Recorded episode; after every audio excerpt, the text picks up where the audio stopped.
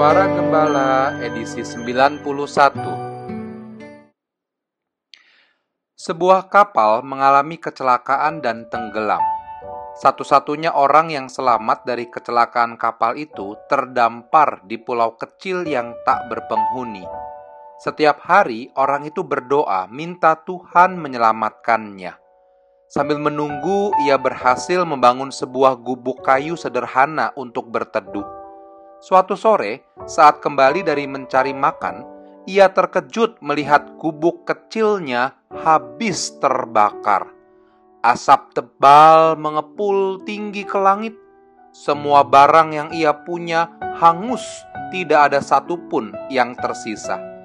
Dengan hati yang sedih, sepanjang malam itu ia terus berdoa kepada Tuhan. Malam semakin larut, ia pun tertidur kelelahan. Keesokan harinya, pagi-pagi ia terbangun oleh suara kapal yang mendekati pulau itu. Kapal tersebut datang untuk menyelamatkannya. "Bagaimana kalian tahu aku ada di sini?" tanyanya keheranan. "Kami melihat tanda asapmu kemarin sore," jawab mereka.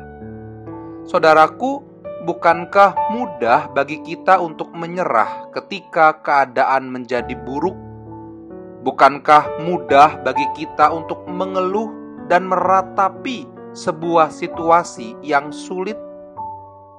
Hari ini kita diingatkan ketika gubuk kita terbakar, mungkin itu tanda asap bagi kuasa Tuhan.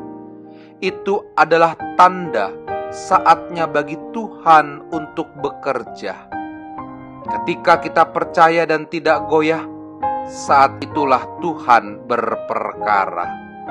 Selama kita mengandalkan Dia, percaya kepadanya, di situlah mujizat terjadi. Amin. Aku percaya.